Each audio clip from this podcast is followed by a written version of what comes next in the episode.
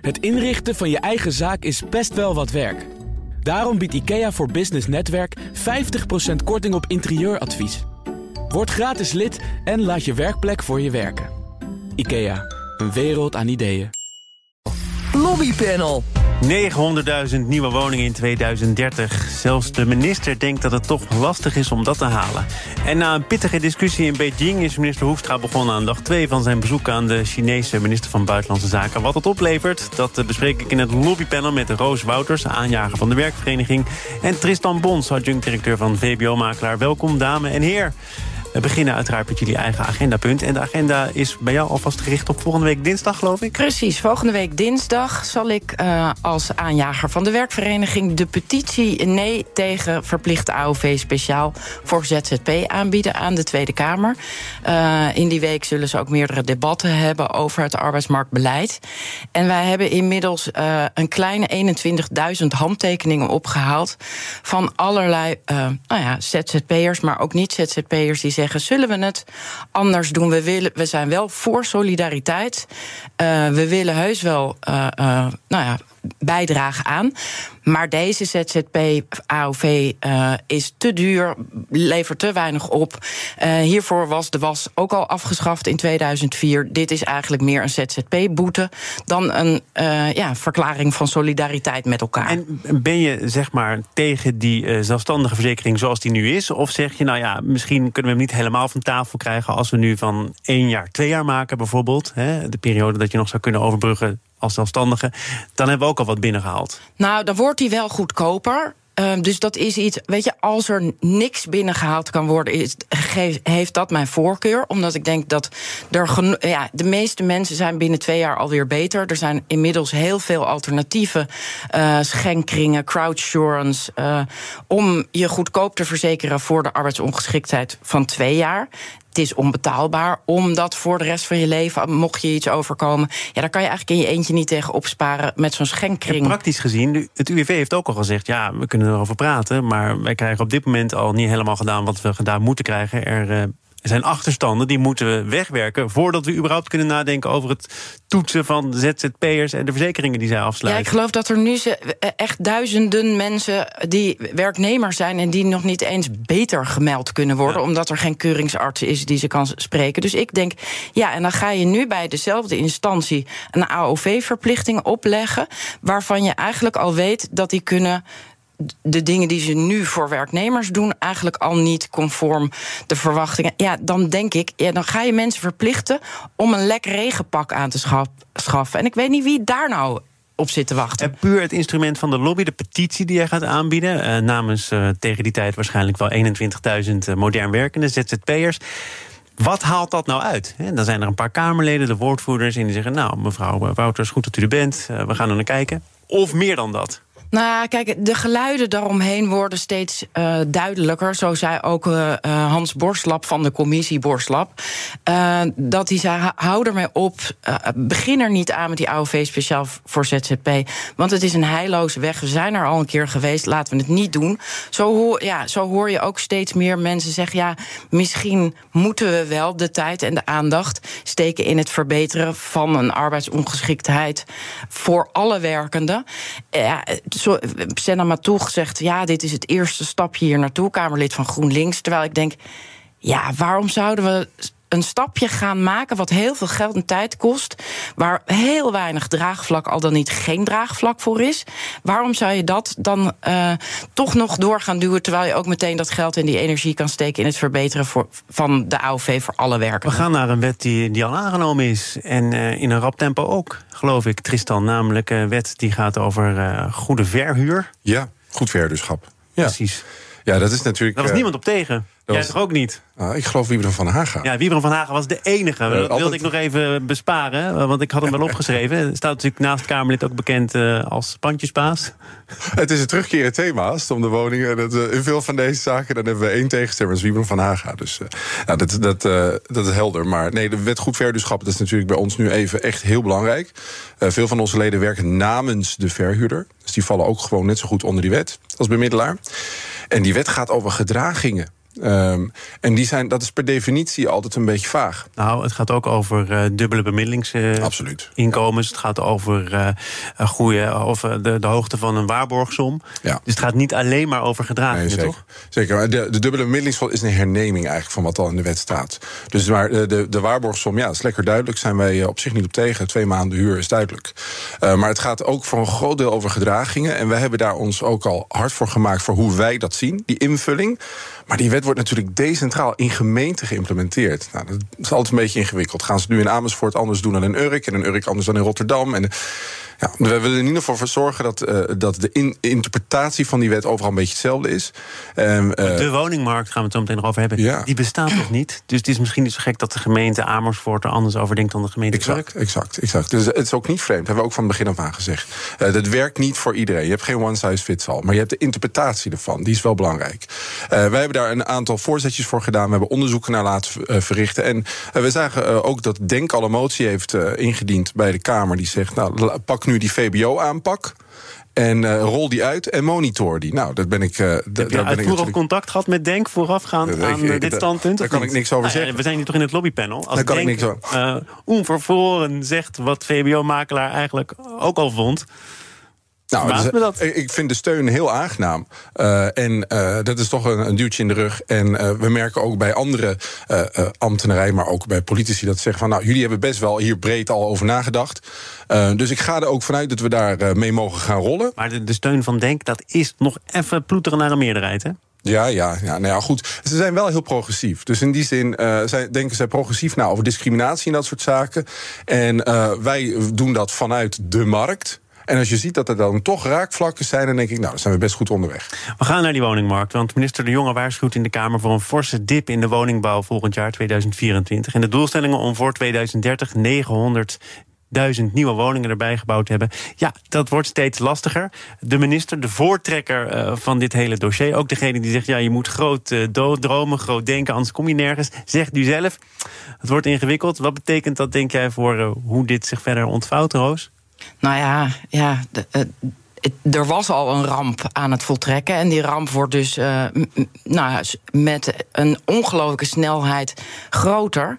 Uh, als zelfs de minister het al opgeeft en zegt: we gaan het waarschijnlijk niet eens de helft waarmaken. Dan denk ik, ja, Weet je, dit is, zagen we al zo lang aankomen. Er is zo traag op gereageerd. Er is zo laks, wat mij betreft, uh, omgegaan met ook dat woningen uh, investeringen zijn geworden. Terwijl wonen is gewoon. Ja, maar goed, daar is hij al mee bezig. Hè? Beleggers zeggen de Hugo-regels maken het ons onmogelijk. Er zijn zelfs mensen die zeggen dat dat beleggen met woningen nu aan banden wordt gelegd. Dat is een deel van het probleem. Ja, en tegelijkertijd denk ik, het is een deel van het probleem dat beleggers eh, natuurlijk, ja, die willen iets uh, bouwen. Uh, waar zij goed op kunnen verdienen. Um, maar dat is niet waar de grootste nood is. Uh, en dan ga je toch je afvragen: van ja, ik, ik, zie, ik woon zelf in Amsterdam, ik heb studerende kinderen. Waar laat ik die? Alle etages die een beetje betaalbaar waren vroeger, zijn opgekocht, doorgebroken. Heb je al bij VBO-makelaar gekeken? Nee, dat heb ik nog niet, maar dat zal ik binnenkort eens doen. VBO.nl, zeker. Ik, ik, ik, heb nu goede connecties. Ja. Nee, maar ik bedoel, weet je, de, op, op het moment dat je uh, zo laks uh, wat mij betreft hierop reageert en dan dit uh, eruit gooit. En dan waarschijnlijk komt, kom je daar zo op.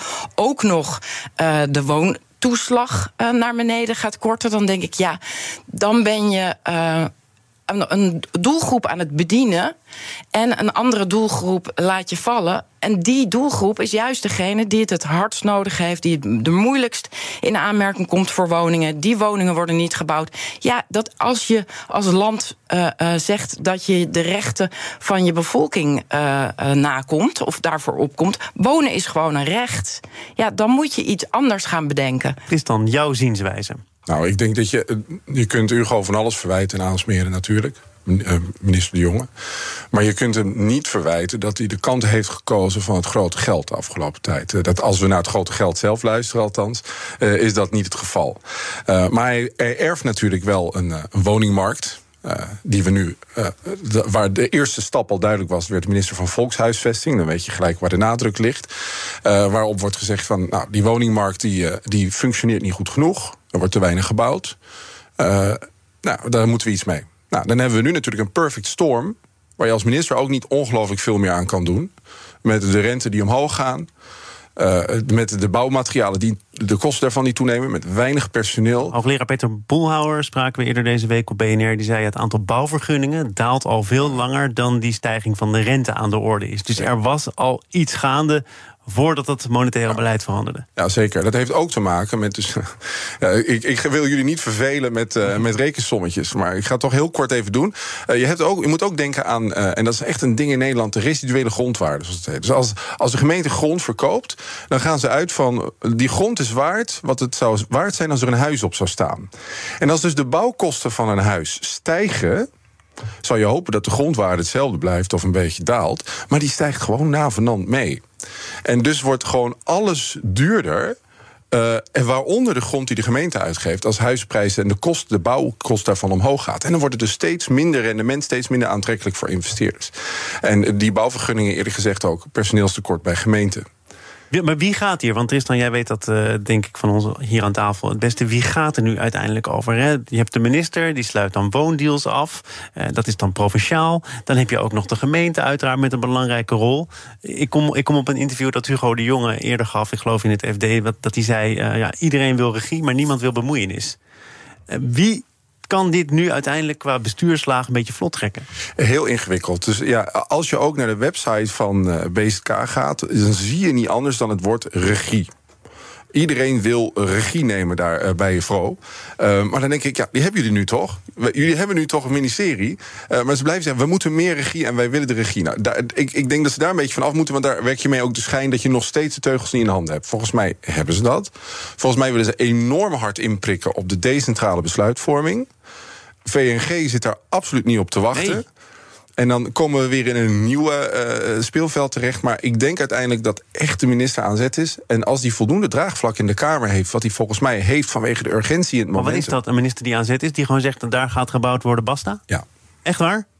Volgens mij kunnen we niet anders. Als je nu iets aanwijst. Um, wij, ik geloof dat we het ook nog even over de kernfabrieken gaan hebben vandaag. Maar als je nu iets aanwijst, ben je meer tijd zeg ik wel even gekscherend, kwijt aan de vergunningen dan aan de bouw van het huis. Daar moeten, we, daar moeten we mee aan de slag. Daar ligt het grootste probleem. De, de grootste nood, zoals Roos net zei, op dit moment ligt aan steen op steen stapelen en een dak erop zetten. Daar ligt de grootste nood op dit moment. Het is gezegd, wij gaan naar China, of wij niet. Hoekstra. BNR Nieuwsradio. Zaken doen. Thomas van Zeil. Roos Wouters en Tristan Bond zijn de leden van het lobbypanel. Minister Hoekstra van Buitenlandse Zaken is bezig aan dag 2 van zijn bezoek aan de Chinese minister van Buitenlandse Zaken, zijn ambtsgenoot in China. En hij uh, heeft het met hem al gehad over gevoelige onderwerpen zoals de oorlog in Oekraïne, maar ook andere thema's zoals ASML zijn niet uit de weg gegaan. Hij heeft uh, Roos tegen de minister gezegd: ja, wij kijken vanaf dit moment, en eigenlijk doen we het al een tijdje anders, naar onze nationale veiligheid. Dus hebben we ook een andere relatie met bedrijven en ook een andere relatie met China. Uh, goed dat uh, Hoekstra dit punt maakt op dit niveau? Um, nou, ik denk dat het altijd handig is om in gesprek te blijven en goede verstandhouding op aan te sturen. Ik zelf ben niet heel erg van de tak dat we Hoekstra daar nou met een geheven vingertje naartoe moeten sturen. Omdat ik denk, uh, ja, dan moet je zelf ook wel uh, je zaken op orde hebben. En ik vind op het moment dat er een toeslagenaffaire is, waar gewoon uit blijkt dat je chronisch mensen discrimineert, dat we in Ter Apel mensen buiten laten slapen in de winter, dat we uh, nou, jongeren in gevangenissen doen omdat we niet genoeg opvang voor ze hebben dan denk ik, misschien moet je eerst eventjes naar jezelf kijken voordat we met dat geheven vingertje naar China gaan wijzen. En vind jij wel dat je die parallel kunt trekken? Hij gaat het daar ook hebben over de Oeigoeren. Dat eh, wordt altijd gezegd. Hè. We gaan ja. praten over de handel, maar toch ook zeker over thema's die de Chinezen liever niet met ons bespreken. Ja. Jij vindt dat de situatie hier in den landen uh, er aanleiding toe is om er in China het zwijgen toe te doen? Nou, niet het zwijgen ertoe te doen, maar op het moment dat je met elkaar in gesprek gaat, lijkt het me goed om uh, het gesprek te gaan hebben. Hoe gaan we dit verbeteren met elkaar? Hoe kunnen we elkaar beter verstaan? Hoe kunnen we elkaar uh, uh, tegemoetkomen in bepaalde dingen? En ja, dan moet je natuurlijk ook wel bepaalde dingen aankaarten die gevoeliger liggen. Maar op het, ik vind vaak, ik schaam me echt als burger van dit land uh, voor hoe wij doen alsof we het allemaal goed geregeld hebben, terwijl het bij ons een zootje is.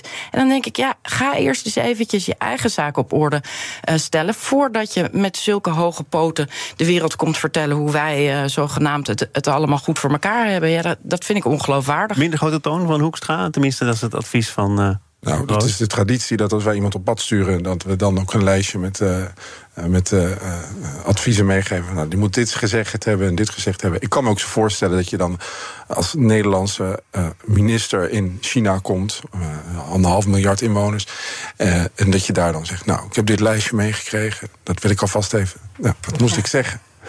Zo, kunnen we nu terug naar de. Ik, ik, kan mij niet voorstellen dat ze daar echt op Hoekstra zeggen. Nou, vertel jij ons even hoe het land gerund moet worden. En dan gaan we daarna over ASML praten. Ik kan het me niet voorstellen, maar we doen dat. We doen dat met Saudi-Arabië. Maar tegelijkertijd moet je ook we hebben straks juni, dan zien we alle grote bedrijven weer met regenboogvlaggen wapperen. En tegelijkertijd doen diezelfde bedrijven zaken met Saoedi-Arabië, met de Emiraten, met landen in Afrika waar uh, homoseksuelen absoluut gediscrimineerd worden of niet eens kunnen uh, zichzelf zijn of iets wat erop lijkt. Het is altijd een beetje hypocrisie. Het belangrijkste aan dit bezoek is dat wij klaarblijk, klaarblijkelijk het noodzakelijk vinden om met de Chinezen in gesprek te gaan. En ik denk dat dat, dat ASML is gewoon het heikele punt. Nou, dat vinden we natuurlijk ook noodzakelijk, omdat het een belangrijke handelspartner is. Hè. De nieuwe premier heeft uh, volgens mij pas geleden gebeld met Rutte en gezegd: uh, jullie zijn een partner met voorrang. Rutte heeft uh, bij het bezoek van de, wat was het ook alweer, de vicepresident gezegd dat hij graag ook op bezoek gaat. De minister van Buitenlandse Zaken van China heeft hem nu van harte uitgenodigd. Kortom, het is waarschijnlijk vooral economisch gedreven, of niet? Absoluut. En ASML is daar. Wij hebben, wij hebben een strategische positie in dat hele spel. Dat is de enige reden dat we daar nog netjes op bezoek kunnen. Uh, dat is omdat wij met Japan en Amerika en Taiwan... wij bepalen een beetje hoe die hoogtechnologische chipindustrie eruit ziet... en hoe die er in de toekomst uitziet. China wil die ASML-technologie hebben... en als het niet goed schiks krijgen, dan kwaadschiks, is al gebleken. Ja, en onze minister wil dan, uh, denk ik, daar ook nog een beetje over, over Oekraïne natuurlijk. Iedereen wil China al losweken van Rusland. Dat is, uh, maar dat lijstje wat we, wat we altijd meegeven met de koningen, met de minister en dergelijke ik denk altijd dat haalt niks uit. We gaan naar kerncentrales, want uh, over vergunningen gesproken, ze kwamen al even aan de orde. In ongeveer zeven jaar kunnen vergunningen en de bouw van een kleine kerncentrale gerealiseerd worden. Volgens een onderzoek van de Stichting Voorbereiding Pallas Reactor en Nuclear Research and Consultancy Group. Uh, dat is bijzonder, want normaal gesproken staat daar zo'n 10 tot 15 jaar voor. Blijkt uit de onderzoeken van advieskantoren zoals KPMG, maar ook milieuactivisten en deskundigen houden het meestal daarop. Uh, is het een onderdeel van de lobby om nu aan te geven als je kiest voor een ander type kerncentrale, dan kan het veel sneller, Roos? Ik denk het wel, maar ik moet heel eerlijk zeggen dat ik ja, is dat lobby? Ik kan het helemaal niet nagaan. Maar op het moment dat je door zoveel partijen hoort zeggen: ja, dat, dat kan eigenlijk niet. Dat gaat zeker 10 tot 15 jaar duren. Ja, wie ben ik dan om te zeggen: nee, dat kan wel. Uh, maar ja, misschien nou, omdat, wel. omdat net zoals bij die huizen volgens mij nu al de uh, gangbare procedure is dat vergunningen zeker ook staan voor 7 of 8 jaar. En de feitelijke bouw van een kerncentrale zo'n ook 7 tot 8 jaar in beslag neemt. Dus als je dat al sneller organiseert, heb je al veel tijd gewonnen. Ja, ik, dan vraag je je meteen af waarom organiseerden ze dan niet dat al veel langer, veel sneller? Nou, ik denk omdat kernenergie nog altijd een gevoelig thema is. Dus misschien moet je daar ook met wat extra aandacht naar kijken, of niet? Um, ja en nee. Ik denk dat het. Uh, ik was, uh, heb nog als kind meegelopen met de demonstraties tegen de kerncentrales. En ik weet niet wat allemaal. Ik bedoel, dat was inderdaad spannend. En, en inmiddels... nu zou je in de tegendemonstratie lopen? Nou ja, oh. nou ja nee. Ja, inmiddels denk ik, eh, kom maar op.